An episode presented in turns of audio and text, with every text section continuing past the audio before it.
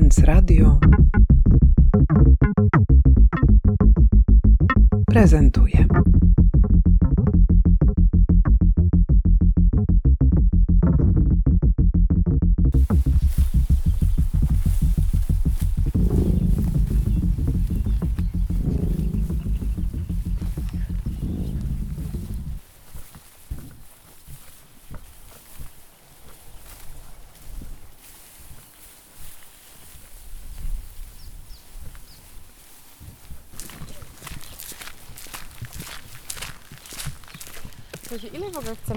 Spędzić? Bo nie wiem, w którym... Musimy mieć e, pół godziny na dojechanie do PKP. Myślisz, że takie oprowadzanie pół godziny Tak. to będzie ok? To pójdziemy po prostu, to ja proponuję, żebyśmy mm, zamiast pójść w ogóle wszędzie, to Was zaproszę, zaprowadzę w takie jedno miejsce. Kasia Roy, kuratorka projektu Pole Regeneracji Wrocławskie Pola Irygacyjne. Wystawa i projekt realizowana jest przez Galerię Design BWA Wrocław.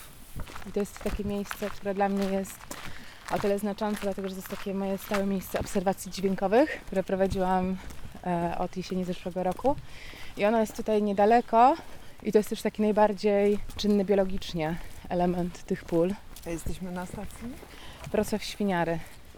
Bardzo często mi się śni w ogóle ten moment, że wychodzę właśnie i tutaj od razu, patrzcie no, to jest takie w ogóle po prostu urocze, że to jest Zaraz za stacją No. zaczynają się te pola. tak. Albo kończą, to w zależności jak, e, jak patrzymy na mapę.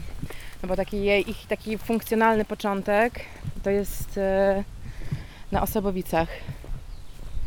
Tutaj już się kończą te ostatnie odstojniki. Tutaj ten cały taki proces właśnie oczyszczania ścieków, e, no to on tutaj się wieńczył. Tam widać, tamtą stronę, na samym końcu tych pól, był taki najbardziej magiczny, magiczne miejsce. Taki odstojnik z trzcinowiskami, które było taką właśnie ptasią perłą. Ale w 2015 roku te pola spaliły się i całe właściwie to siedlisko wtedy, wtedy wyginęło. A pożar tlił, tlił się jeszcze przez rok tutaj właśnie w gruncie. Taki był w ogóle torf, który cały czas się palił, taki niemożliwy do, do ugaszenia. Ale to było wypalanie traw? Nie, najprawdopodobniej papier z, z, z, z pociągu, niedopałek. No bo też taka specyfika tych pól jest taka, ona mi się bardzo kojarzy z obrazami Turnera. Jest taki w ogóle moment, y, jest taki obraz w ogóle Turnera, w którym pociąg w ogóle przejeżdża przez most. Jest takie właśnie pola. I tutaj trochę też e, jest e, taka sytuacja, ten, ten krajobraz też jest e, z jednej strony wydaje się być bardzo naturalny, choć przecież bardzo mocno przetworzony przez człowieka, czego akurat w tym momencie tego nie czujemy. No ale pola są przeprute też e, przez e, tory pociągów, które też bardzo mocno wpływają na audiosferę tych pól. No oprócz tego też zobaczycie zaraz przepiękny pylon e, mostu rędzińskiego, kominy z miasta, no i nieszczęsny Sky Tower, który również tutaj jest widoczny.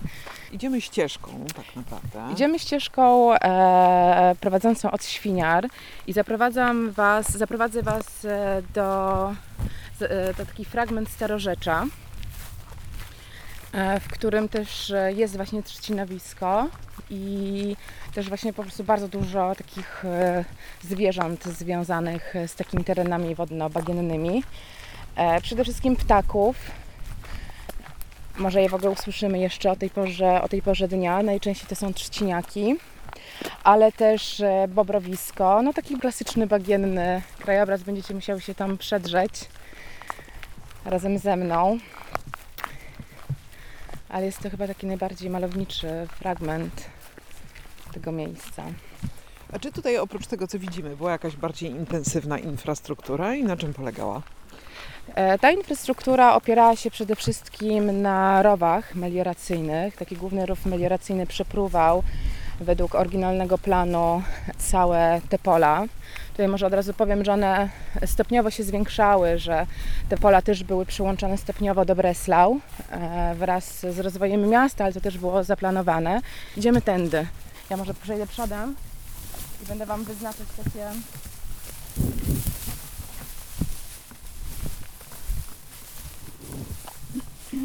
Tutaj już idziemy przez taką bardzo wysoką trawę. Właściwie bezdrożem.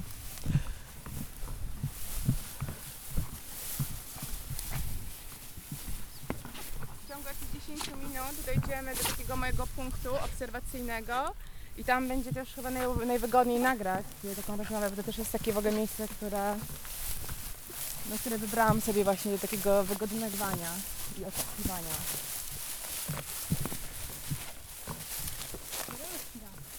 Tak, to też jest taka specyfika e, właśnie tego reliktu tutaj, bo w kontekście właśnie tych pól e, irygacyjnych we Wrocławiu mówimy o czymś takim jak e, pejzaż o charakterze reliktowym, to znaczy, że to jest taki w ogóle pejzaż, którego relikty infrastruktury wciąż możemy dostrzec. I to jest zarówno taka twarda infrastruktura, którą za chwilę zobaczycie, ta oryginalna zbudowana jest z cegły klinkiero, z, klinkier, z klinkieru, zresztą tutaj produkowanego w Leśnicy, wtedy wówczas pod Wrocławiem. Natomiast też jest taka infrastruktura betonowa wybudowana już przez Polaków w latach 60. Z tego, co udało mi się ustalić, no ale ten relikt też realizuje się przez na przykład drzewa owo- owocowe, które były takim też e, charakterystycznym, z charakterystyczną praktyką e, niemiecką, właśnie żeby takie e, krajobrazy właśnie wzbogacać jeszcze o właśnie te drzewa owocowe, które e, pełniły bardzo rozmaite funkcje.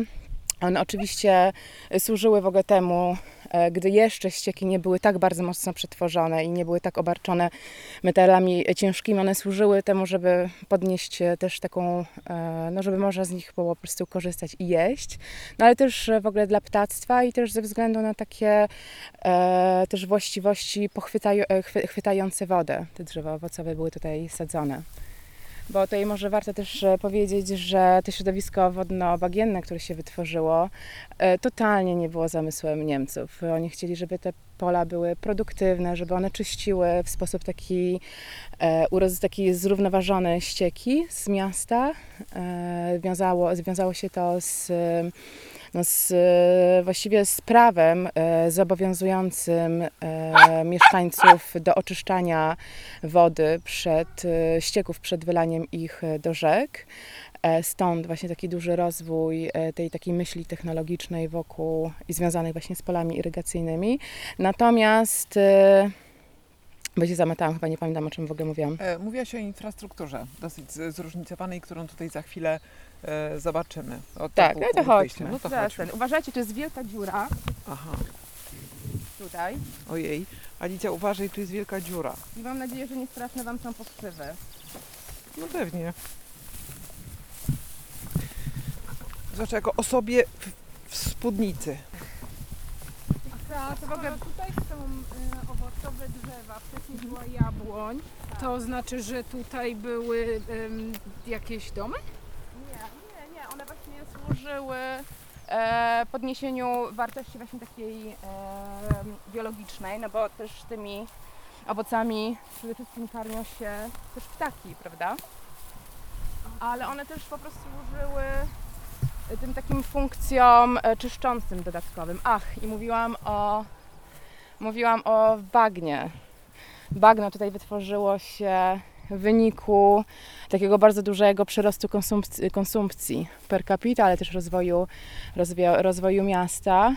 I właściwie te pola po prostu nie udźwignęły tego przyrostu konsumpcji i rozwoju miasta i ten tak wodno-bagienny ekosystem wykształcił się tutaj no, w wyniku naszej wzmożonej aktywności Ale, to, mm, konsumpcji. ale czy to znaczy też, że wtedy, nie wiem, miasto miało jakiś przyrost ludności? Tak, czy... tak, tak, tak. Znaczy to się najczęściej w ogóle mówi o tym, że ten przyrost ludności był po wojnie i wtedy też e, ten rozwój przemysłu przede wszystkim był taki dynamiczny w skoku, ale mm, to też jest trochę taka mm, to też jest taka kalka myślowa, dlatego że Breslau już na przełomie XIX i XX wieku było innym miastem niż w momencie, kiedy, kiedy te pola powstawały. Było już dwukrotnie większym co najmniej miastem.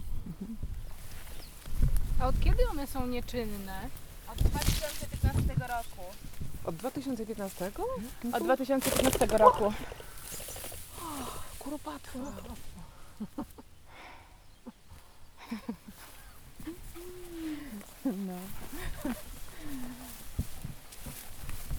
Ale wiecie, to wydaje się niedawno, ale e, na przykład jak centrala teraz sprawdzała mapy satelitarne, to sposób e, przetworzenia tego krajobrazu przez te 6 lat jest tak dynamiczny.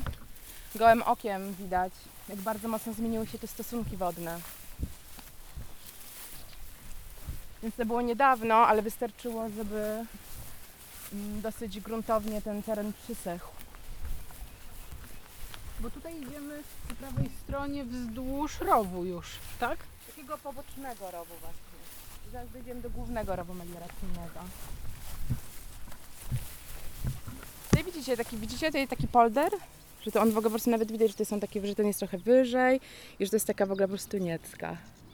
To ta woda w ogóle po prostu spływała w ogóle tutaj już na samym końcu, jeszcze sobie stała, stała i jeszcze sobie się w ogóle po prostu też takimi swoim tempem roz, rozpływała, by trafić do ostatecznie do ostatniego cieku, który doprowadzał ją do, do rzeki, która jest tam.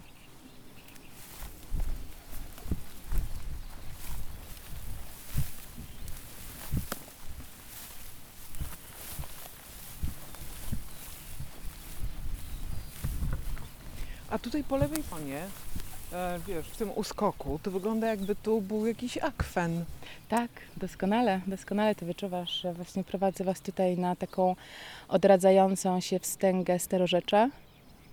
Też takie w ogóle ciekawe, dlatego że te starorzecze, w ogóle taka wstęga, e, wstęga Odry, takiego dopływu Odry tutaj była takim elementem dominującym, zanim ta przestrzeń została sproduktywizowana pod, y, pod pola. Niemcy odcięli tą gałąź, ale niesamowite jest to, że właśnie ta pamięć wody i pamięć krajobrazu, że właśnie w tych miejscach e, ta woda się w pierwszej e, kolejności odradza i zaraz jak dojdziemy, e, to zobaczycie jak ona przepięknie się e, tutaj e, fałduje.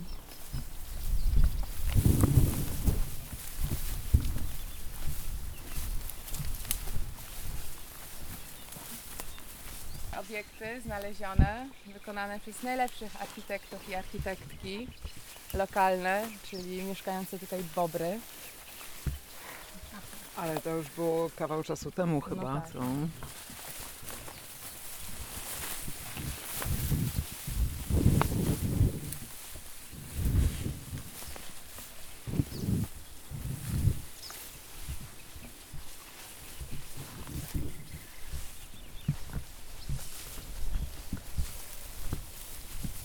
Jak to dokładnie, e, jak wyglądał dokładnie proces?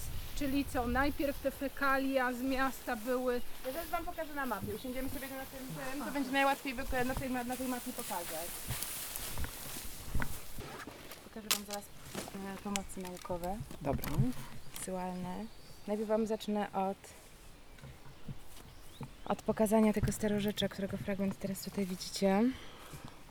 To jest dzięki interwencji Marcina Siechankiewicza, wspaniałego, e, wspaniałego kartografa, który nas e, wspiera właśnie tutaj w, w działaniach. On mm, jakby nie, zaprze- nie poprzestał tylko na studiowaniu geoportalu i w ogóle też e, jakichś takich map z ostatniego okresu, tylko właśnie sięgnął do różnych modeli, ale też do różnych e, starych map XVII-wiecznych.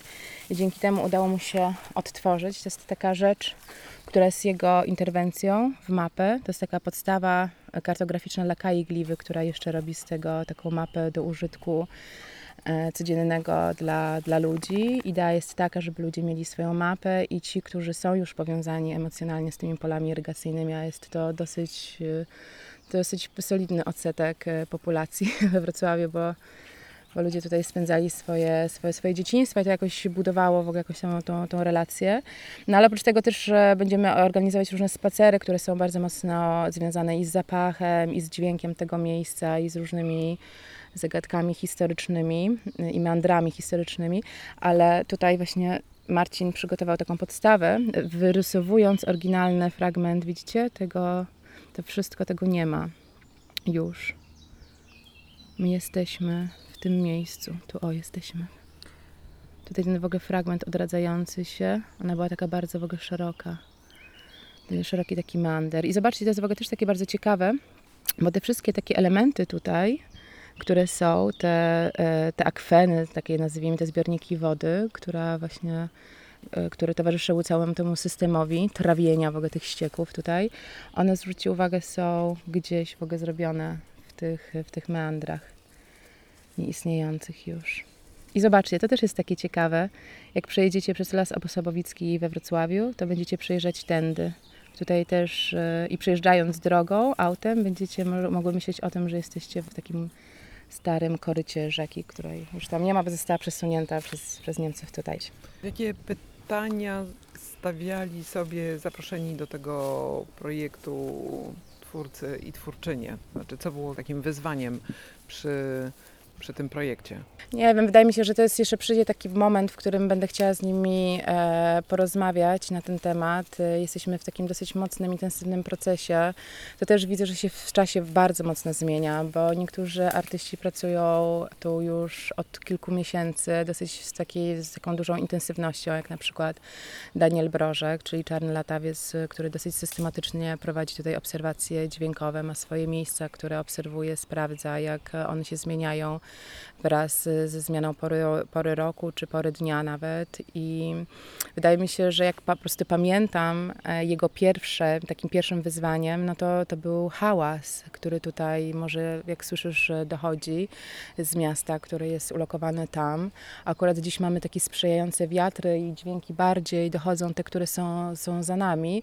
Natomiast e, na co dzień jest tutaj taki w ogóle solidny dysonans pomiędzy tym bardzo łagodnym krajobrazem, który położony jest na równinie wrocławskiej, więc mamy do czynienia z takim naprawdę prostym horyzontem, który pozbawiony jest jakichś większych, e, większych jakichś atrakcji wizualnych. To nie jest e, taki romantyczny pejzaż Sudetów na przykład, e, a właśnie ten dysonans powoduje ten huk cywilizacyjny, który do nas tutaj dociera, więc to było takie największe wyzwanie dla, dla, dla, dla Daniela.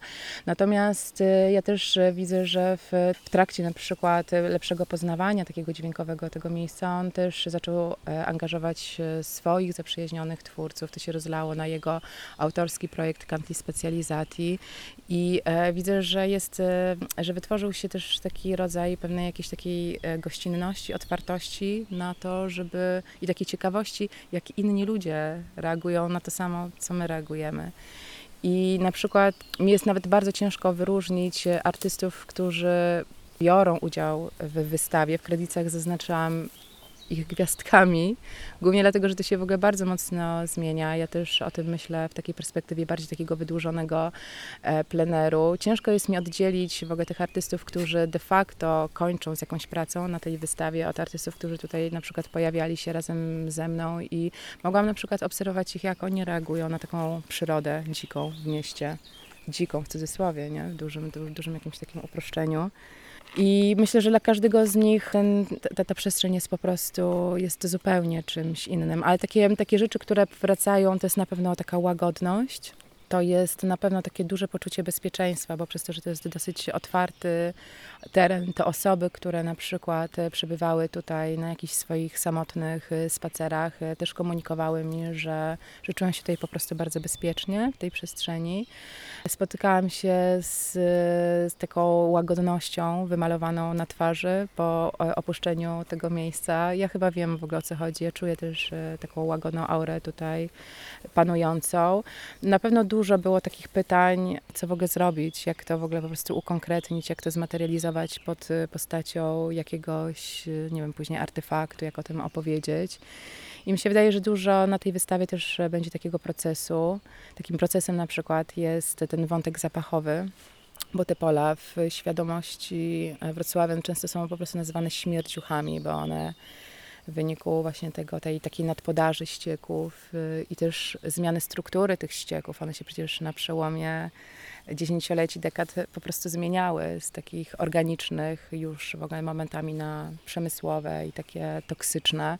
Więc ten zapach tutaj jest y, czymś, co my nazwałyśmy razem z Moniką Opieką Nowak, właśnie tą artystką, perfumiarką, e, traumą zapachową. I ona na przykład jest w takim bardzo mocnym procesie i takim procesie też e, utraty kontroli, bo pracując, nie wiem, na przykład na wodzie bagiennej, która jest bazą tych perfum, e, też nie jest w stanie do końca zapanować nad procesem tych, tych zapachów, więc to jest też taka umiejętność odpuszczania i takiego w ogóle takiego, takiej, takiej roli bardziej powiedziałabym rzeczniczej, coś takiego, że, że, że każdy z tych artystów, z którymi, z którymi do tej pory pracowałam, e, mają no właśnie jakąś taką ciekawość, taki rodzaj w ogóle rzecznictwa, taki, tu każdy znajduje taką przestrzeń w ogóle dla siebie, bo po prostu one są też po prostu olbrzymie.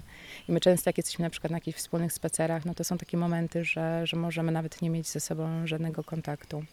Ta przestrzeń przez to, że była przeznaczona do oczyszczenia, ma taki duży ładunek symboliczny. To wasze działanie, BWA Design, instytucji, która dedykowana jest y, pokazywaniu tego, jak projektowanie zmienia nasz świat.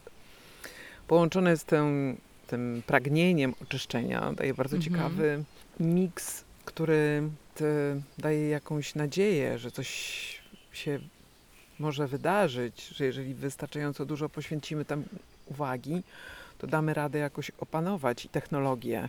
Ja w ogóle sytuuję się z tym, co mam w głowie e, teraz na takim poziomie świtu. Zresztą świt jest takim motywem, który powraca w, w, tych, w tych działaniach jako taki motyw ikonograficzny. On też powraca w takiej pracy, którą ja zrobiłam razem z Danielem Broszkiem, właśnie nagrywając świt na polach irygacyjnych i opowiadając właśnie o tych e, polach e, ich fenomenie dźwiękowym właśnie przez pryzmat tych jakości o tej porze dnia. Ale to też jest dla mnie taka metafora w ogóle momentu, w którym my się znajdujemy w, w, tym, w tym projekcie. E, Coraz częściej też posługuję się takim pojęciem świty, że my wszyscy tworzymy trochę taką świtę tych pól, że to orzecznictwo realizuje się właśnie tym, że my tworzymy tą, tą świtę. Gdzieś te takie elementy oświeceniowe, tej takiej aurory, tej takiej nadziei z tym związanej, one gdzieś w tym, w tym paradygmacie świtu się rozwijają, ale to też jest taki moment świtu dla tych pól, bo one skończyły swoją e, pracę od 2015 roku, są na emeryturze, to jest sucha emerytura.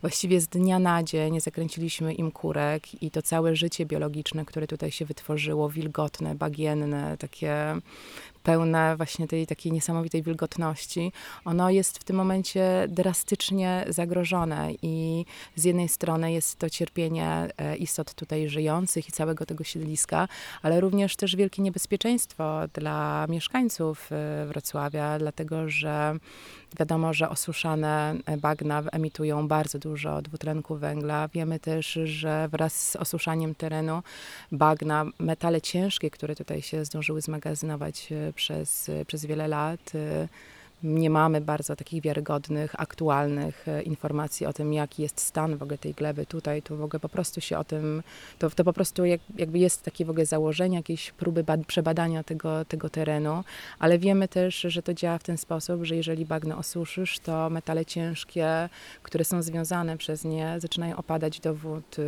które są wodami gruntowymi. Tu niedaleko, to też jest taki w ogóle aspekt, może dla Ciebie też interesujący, bo byłaś ostatnio nad Morzem Bałtyckim i to widać w ogóle najwyraźniej tych takich niesamowitych granic, bo tutaj jest na przykład obszar chroniony Natura 2000 i względnie ten ekosystem tego lasu rędzińskiego jest tam e, zabezpieczony, ale co z tego, skoro w ogóle te pola irygacyjne sąsiadują z nim, a ekosystemy nie mają takich granic, nie? takich legislacyjnych, jak my je w ogóle postrzegamy i te, e, te ekosystemy są ze sobą powię- e, po, powiązane. Jeżeli nie zadbamy o, ten, o te pola, no to też e, ucierpi w ogóle wszystko to, co jest e, cennego wokół, a my mamy tutaj Dolinę Widawy, mamy tutaj właśnie też Odrę zaraz obok, więc to jest dużo w ogóle jakichś takich, e, takich kontekstów, które są dosyć istotne.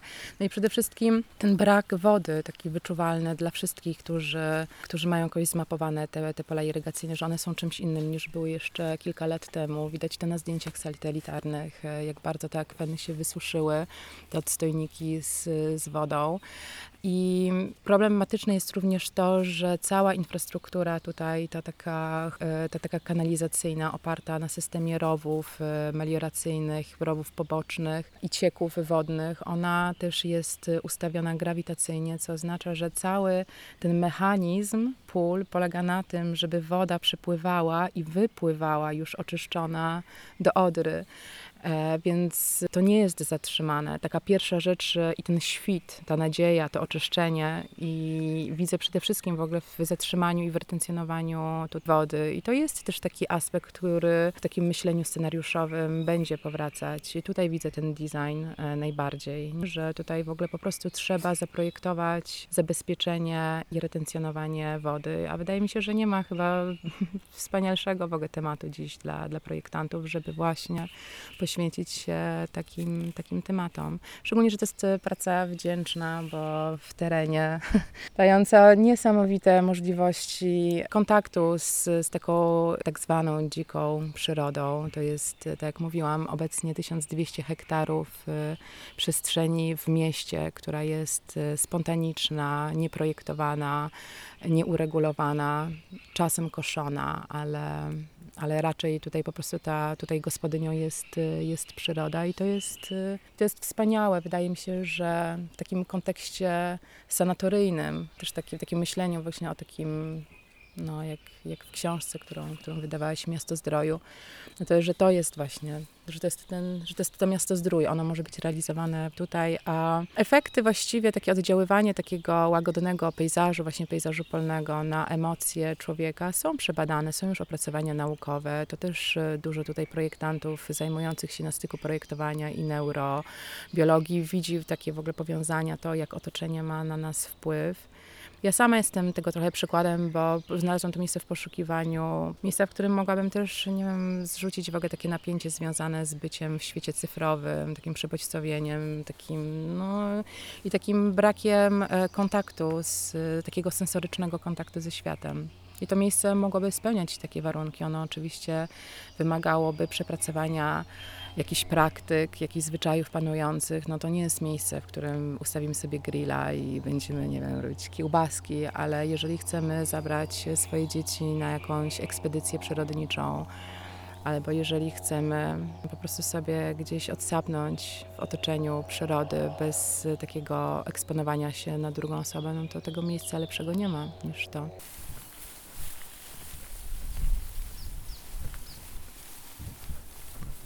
Jest tutaj z nami Alicja Patanowska i jej piesek Zorka, a nad nami leci samolot. Musimy Jest chyba lotnisko poczekać. Szymanów niedaleko. Jesteś tutaj pierwszy raz? I tak, ja jestem na polach e, pierwszy raz i powiem Wam, że e, uderzyło mnie od razu jak tutaj przyszłyśmy, ponieważ dzisiaj jest e, dosyć chłodno, a ja jestem w klapkach i bardzo mnie e, uderzyło jak e, ciepło bije od ziemi. I czy Kasia, czy to nie powinno być inaczej? Powinno być, znaczy generalnie różnica temperatury, taka badana tutaj na polach irygacyjnych względem Miejskiej Wyspy Ciepła, to są takie badania, które były prowadzone bodajże w 2012 albo 2002 roku, teraz nie jestem pewna, ale przez, e, przez taki zespół prowadzony przez profesora Dybickiego i one wskazywały na różnicę w 8 stopni, 7 e, stopni Celsjusza. Dziś e, ta różnica jest większa, dlatego że tutaj dochodzi w ogóle do ochłodzenia, bo to miejsce było bardzo w ogóle ciepłe. Tutaj nigdy nie było śniegu na przykład. Dlatego, że ścieki emitują ciepło. To ciepło gdzieś tutaj jest po prostu skum- skumulowane. A przez to, że ten, te poziomy wody się mm, obniżają, e, czy to nie powoduje e, dodatkowego podnoszenia się temperatury, pewno, bo, przecież nagrzewa się ziemia, prawda? Zdecydowanie tak.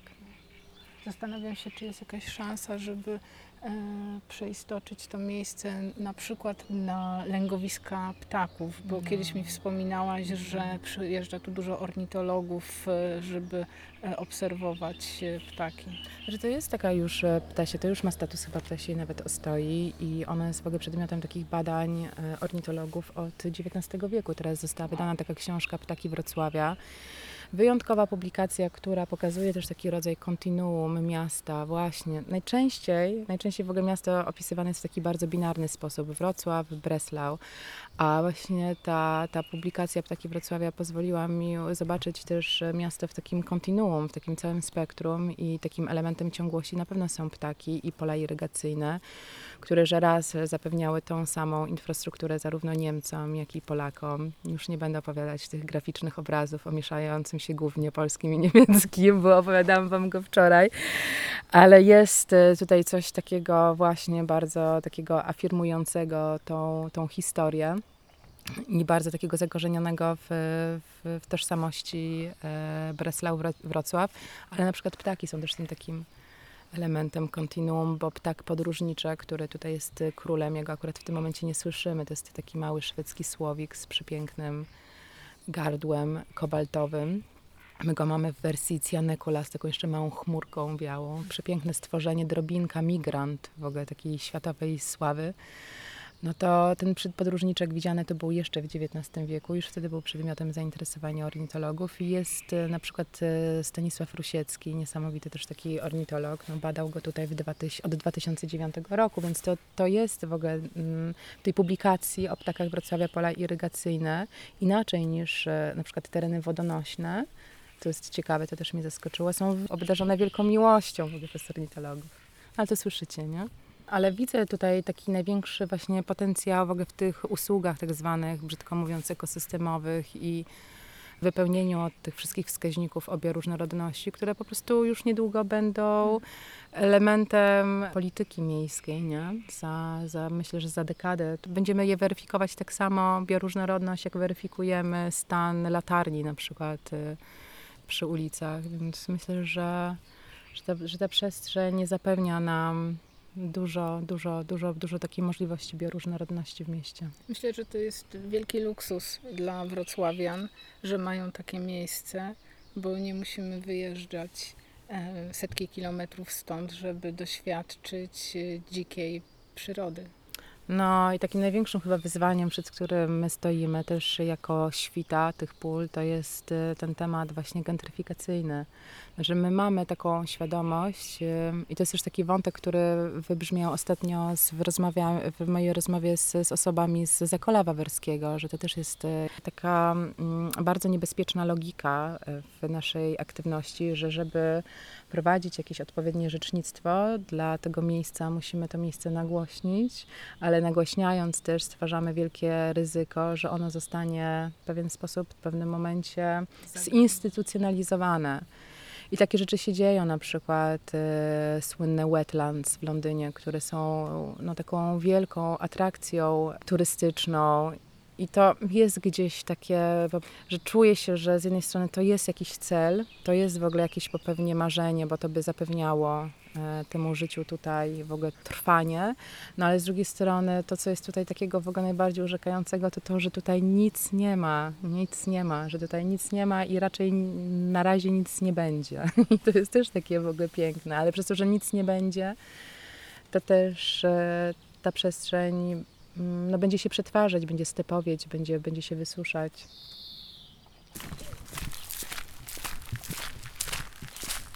Dekanalizacja to jest takie królestwo, które jest niezależne od człowieka, chociaż bez niego w ogóle tracące rację bytu, ale też weryfikujące w ogóle te wszystkie decyzje polityczne, na przykład wymiany narodowościowe, podziały jakieś terytorialne itd. Ścieki mają w sobie coś takiego mistycznego. Zresztą Ola Wasilkowska ostatnio, jak wymieniałam z nią korespondencję, bo myślę, że w pewnym momencie też fajnie będzie się w ogóle z nią spotkać i z jej doświadczeniem i architekturą cienia i w ogóle takiego, takiej olbrzymiej umiejętności afirmowania sanitacji tak zwanej. Też właśnie pisała, że gówno ma sens, to jest, gówno to jest to, to jest konkret. Wszystko to, czym, czym kapitalizm się brzydzi, jest właśnie po prostu, czego nie dotyka, jest właśnie w ogóle w gównie. Myślę, że gówno powinno być wielką inspiracją dla, dla wszystkich. Teraz wyłączam, bo lepszego zakończenia nie będzie po prostu. Teraz normalnie robię stop.